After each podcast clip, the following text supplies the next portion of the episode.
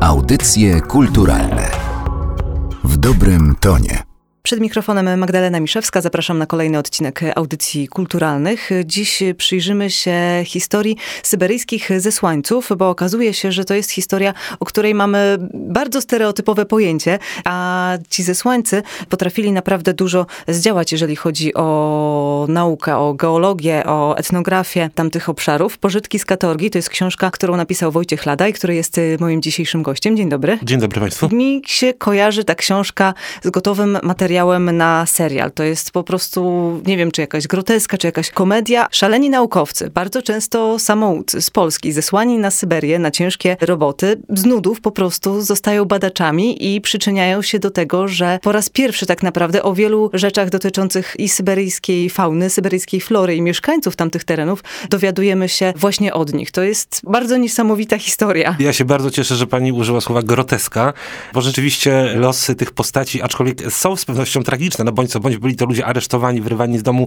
w wieku 20 lat i uwiezieni gdzieś tam parę tysięcy kilometrów na wschód, ale faktycznie przez to, że byli uwiezieni w tak młodym wieku, tak naprawdę byli jeszcze niewykształceni w większości, byli chłopcami i ich pierwsze próby naukowe, które podejmowali, umówmy się, z nudów. Po prostu Syberia była miejscem nudnym. Były rzeczywiście co nieco groteskowe i faktycznie trochę w takiej scenerii widziałbym ten ewentualny serial. I spróbujmy w takim razie od początku e, tę historię opowiedzieć. I warto zacząć od tego, że to zesłanie e, wcale nie wyglądało tak, jak nam się wydaje. Nie mogę mówić za wszystkich, ale często ten obraz jest taki, że zesłańcy zakuci w kajdany przez wiele lat wręcz idą piechotą na miejsce swojego zesłania. To oczywiście się zdarzało. Szli czasem nawet dwa lata, tak. Ale nie tak często i ta podróż e, w przypadku wielu bohaterów tej książki wyglądała zupełnie inaczej. Tak, ci w większości mieli sporo szczęścia i dlatego, że indywidualnie mieli sporo szczęścia i dlatego, że jednak była to już druga połowa XIX wieku, kiedy ten carski system się po prostu zapchał i nie dawał rady wytrzymać, przerobić takiej liczby skazańców jak wcześniej.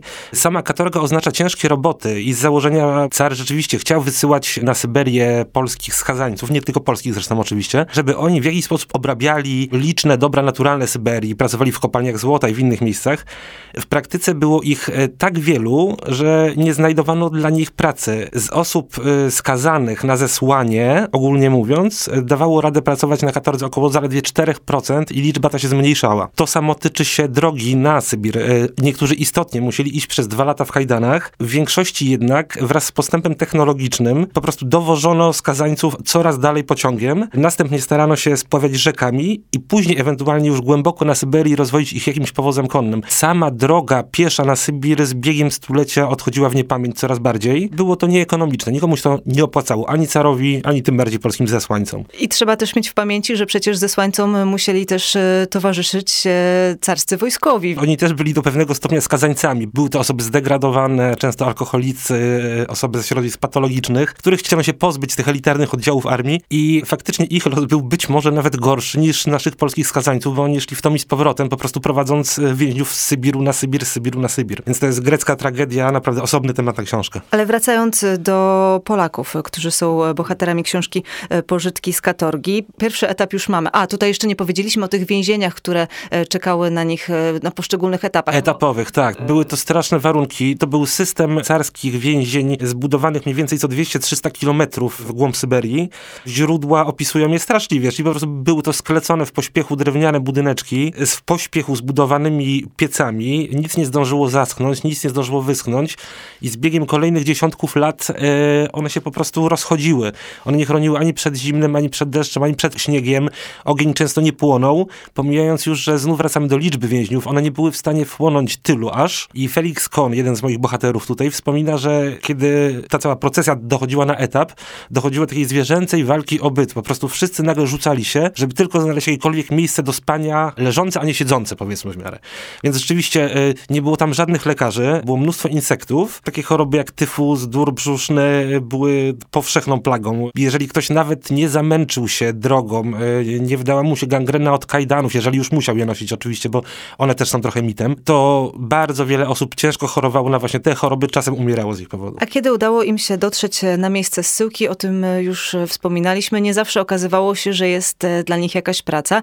I tak naprawdę ta wszechobecna nuda również potrafiła doprowadzić zesłanych no, wręcz do szaleństwa różnych chorób psychicznych, bo ludność mieszkająca tam na miejscu była przyzwyczajona i do tego, że temperatury minus 50 to codzienność i do tego, że czasami przez wiele miesięcy prawie się słońca nie ogląda, więc oni zajmowali się głównie spaniem. Głównie spaniem, tak. Oni żyli w rytmie natury. Oni pod tym względem, y, w niczym im nie ujmując, dopasowali się trochę do rytmu życia zwierząt również. Czyli po prostu pół roku przesypiali, żyli w takim letargu, żeby wykonać jak najmniej czynności, jak najmniej się zmęczyć, jak najmniej być głodnym, bo trzeba pamiętać, że w zimie nie dało się polować, nie dało się zbierać zapasów. Więc rzeczywiście autochtoni przesypiali większość mrozów, natomiast Europejczycy nie potrafili, nie byli tego przystosowani. Nawet jeżeli musieli walczyć o byt, uczyć się polować, łowić ryby, to i tak przez wiele miesięcy byli skazani na nierobienie zupełnie niczego.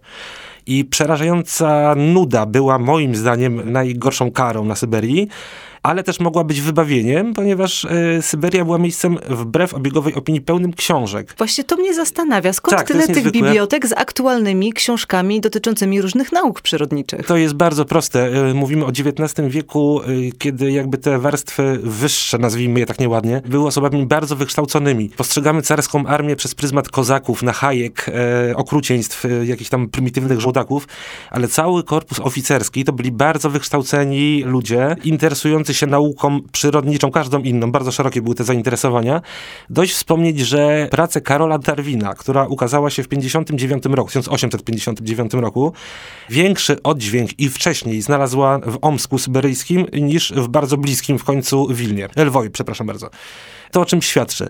Druga rzecz to sami więźniowie, którzy dostawali paczki z domów i w tych paczkach przede wszystkim były książki i pieniądze. Niczego innego nie było sensu przysyłać raczej. A ponieważ oni starali się, no byli w strasznych warunkach, więc starali się organizować w pewnego rodzaju komuny, grupy, jak to nazwać, i książki należały wspólnie do wszystkich, więc e, z czasem, z biegiem lat, dziesięcioleci tworzyły się ogromne biblioteki. Dość wspomnieć, że w więzieniu karyjskim w momencie likwidowania tego ośrodka biblioteka składała się z kilku tysięcy tomów, bardzo świeżych zazwyczaj i stała się podstawą biblioteki jednego z syberyjskich, rosyjskich towarzystw naukowych. Więc to były olbrzymie ilości bardzo nowych, bardzo dobrych książek. I tutaj warto pamiętać o tym, że właśnie ci młodzi zesłańcy byli wyrywani prosto ze szkół, więc oni nie byli wykształceni, ale część z nich e, miała już wcześniej jakieś zainteresowania przyrodnicze i starali się, e, nawet nie myśląc chyba jeszcze w ogóle o zostaniu badaczem, jakoś urozmaicić sobie e, pobyt na Syberii czy samą drogę w miejsce zsyłki, zbierając różne okazy, obserwując przyrodę. Ja to wspomina pani o Czekanowskim, ale to zaraz dojdziemy. Rzeczywiście postać niezwykła.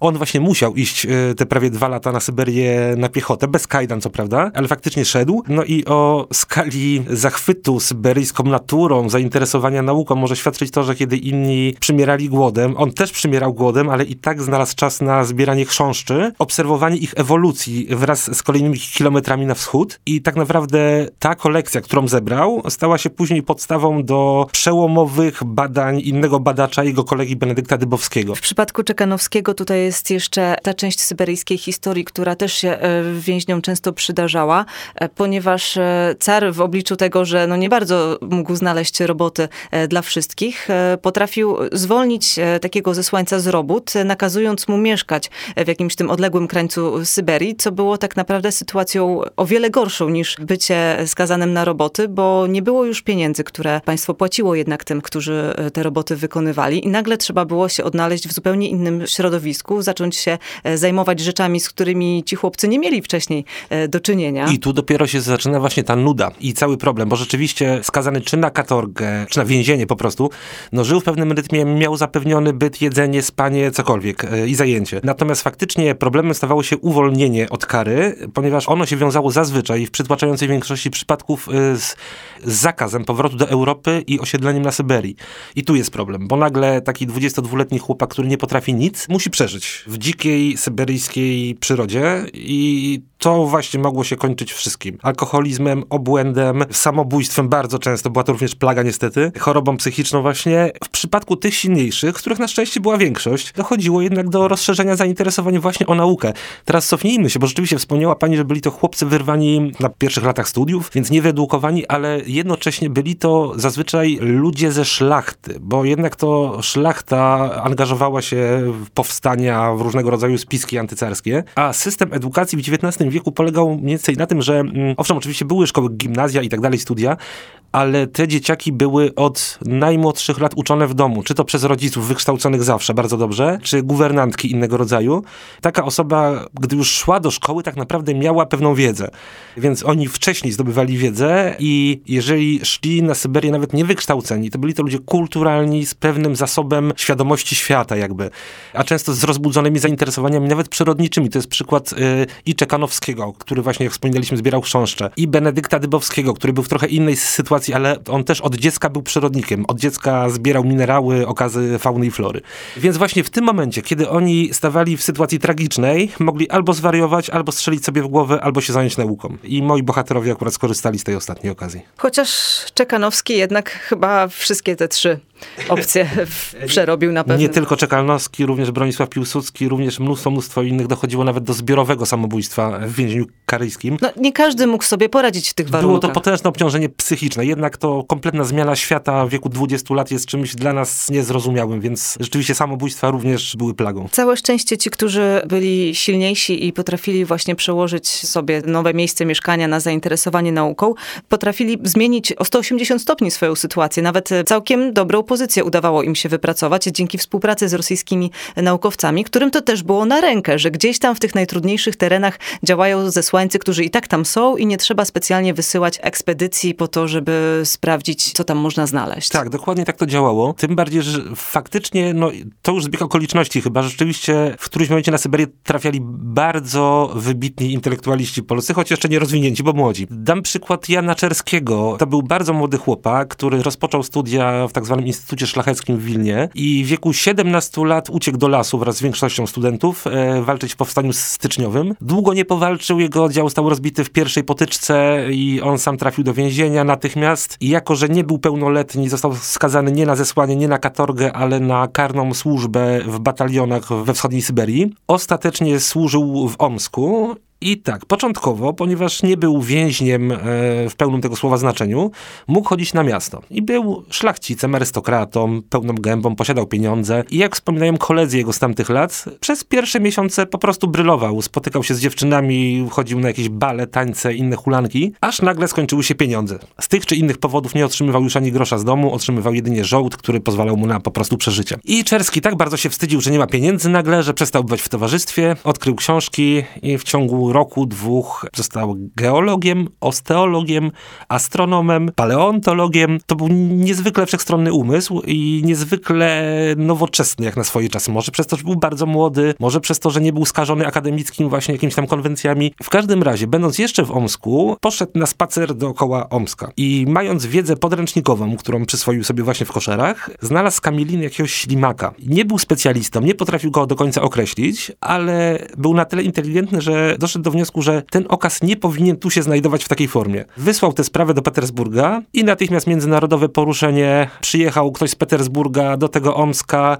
z Omska zawiózł ten okaz do Berlina, żeby inny specjalista to określił i faktycznie przewróciliśmy do góry nogami historię naturalną e, w tej części Syberii. Okazało się, że było tutaj nie morze, jak sądzono dotąd przez wiele dziesięcioleci, lecz e, akwen słodkowodny. To jest jeden przykład i rzeczywiście mając do dyspozycji iluś tam tego typu ludzi jak Czerski, którzy utrzymywali kontakt z Petersburgiem, z towarzystwami naukowymi, otrzymywali pieniądze za nadesłane okazy, więc to pozwalało im przeżyć, jakoś żyć no faktycznie ci naukowcy z głębi Rosji nie mieli powodu, żeby zapuszczać się w takie mrozy. I z korzyścią wzajemną, bo i otrzymywali naukowcy z Petersburga okazy, zesłańcy zaś otrzymywali pieniądze i mieli zajęcie walcząc i z nudą i z biedą jednocześnie. I obalając e, naukowe mity albo odkrywając e, rzeczy wcześniej nieodkryte, tak było w przypadku Benedykta Dybowskiego i e, historii z pewną rybą. Gołomianka. Gołomianka, tak. Ryba, którą Dybowski jako pierwszy zobaczył żywą. Tak, ponieważ gołomianka oczywiście żyła od prawdopodobnie setek tysięcy lat. Natomiast miała to do siebie, że nikt nigdy przed Dybowskim nie widział jej żywej. E, wiedziano o jej istnieniu, bo mniej więcej raz do roku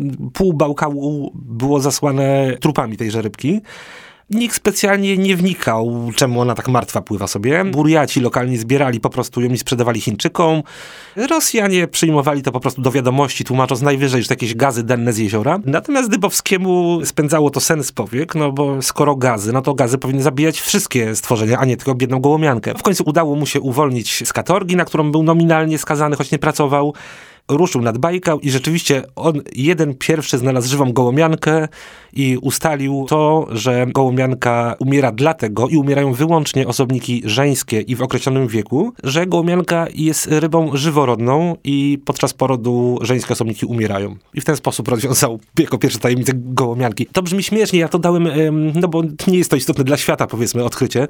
Natomiast rzeczywiście Dybowski, będąc nad Bajkałem, wspólnie z Aleksandrem Czekanowskim, wspomnianym już, i Janem Czerskim, o którym mówiliśmy przed chwilą, e, stworzyli absolutnie genialny tercet. E, Dybowski był przede wszystkim botanikiem, ichtiologiem, Czekanowski był przede wszystkim geologiem, e, natomiast Czerski był wszystkim pomiędzy nimi. I stworzyli tercet, który jakby był w stanie zbadać każdy obszar Ziemi pod każdym względem. I szczęściem dla nauki było to, że oni wszyscy trzej znaleźli się w pewnym momencie nad Bajkałem i rzeczywiście w ciągu kilku, bodajże ośmiu, jeśli pamiętam, lat, ustalili geogenezę jeziora, ustalili z jakiego okresu pochodzi, jak powstał Bajkał. Odkrycie Bajkału jest odkryciem Polaków. Warto też e, pamiętać o ich zasługach etnograficznych, e, bo tak jak na przykład Bronisław Piłsudski, o którym już e, kiedyś była mowa w audycjach kulturalnych, był takim nieformalnym królem Ainów i bardzo dużo na ich temat pisał. Tak dzięki Feliksowi Konowi inne rdzenne plemię, inny rdzenny lud mieszkający na tamtych terenach, Hatasi, mogli swoją kulturę na nowo odkryć i zachować. O, to nie tylko Kony. To w zasadzie zrobili wszyscy, a badania porównywalne z badaniami Kona, bądź nawet jeszcze ważniejsze, to tak, wspomniane przez panią Piłsudski w przypadku Ainów, Wacław Sieroszewski w przypadku Jakutów, i jeszcze jeden Polak, o którym tutaj nie piszę, tylko wspominam, być może jest to wada tej książki właśnie, że nie ma tej osoby. Edward Piekarski, zapomniana postać, rówieśnik Sieroszewskiego, zresztą kolega. On z kolei, jeśli chodzi o Jakutów, stworzył jako jedyny kilkunastotomowy słownik jakucki i to jest tak, że w momencie, kiedy upadał Związek e, Sowiecki i powstawała Federacja Rosyjska, Jakucja uzyskała niepodległość albo autonomię, jak to można nazwać, to Jakuci zaczęli rekonstruować swoją przeszłość, swój język, swoje obyczaje na podstawie i słownika piekarskiego, i książki 12 lat w kraju Jakutów e, Sieroszewskiego. Podobnie jak inne plemiona robiły to na podstawie badań Kona. Wynikało to z prostej rzeczy. Ci zesłańcy znajdowali się w głuszy i mieli nieustanny kontakt z tymi plemionami. Oni nawet nie musieli specjalnie badać. Oni po prostu chodzili i notowali ich zwyczaje, budowę jurt, e, kwestie szamanizmu.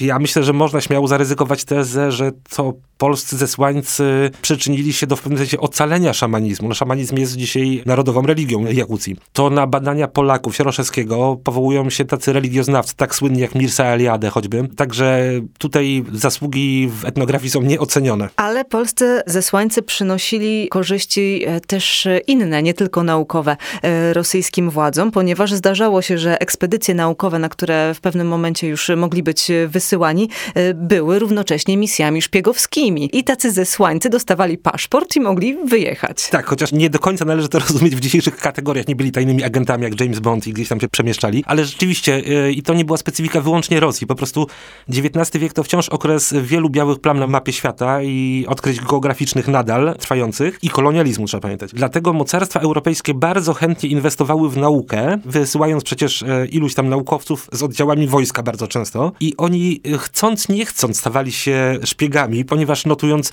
nie wiem, e, rysując mapę linii brzegowej, mapę geologiczną, badając jakie są surowce naturalne miejsca, jakie są siły lokalnych plemion powiedzmy, automatycznie automatycznie te raporty trafiały być może i do muzeów czy naukowców, ale przede wszystkim na biurkach generalicji.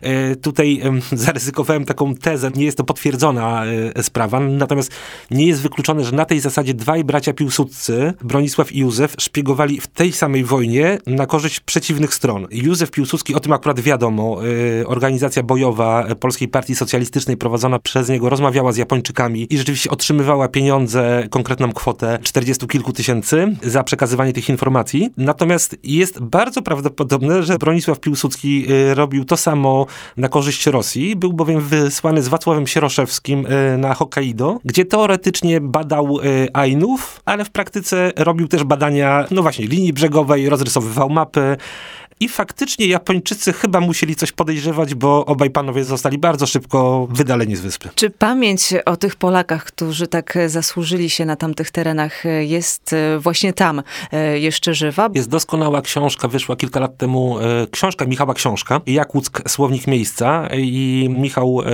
ma żonę Jakutkę, dzieci półjakuckie i spędził czas w Jakucji, właśnie w Jakucku, e, no to z jego książki wynika, że ta pamięć jest nie tylko pomnikowa, w sensie różnych tablic i tak dalej, ale po prostu żywa wśród studentów, wśród ludzi. Pamiętają po prostu Sieroszewskiego, pamiętają Piekarskiego.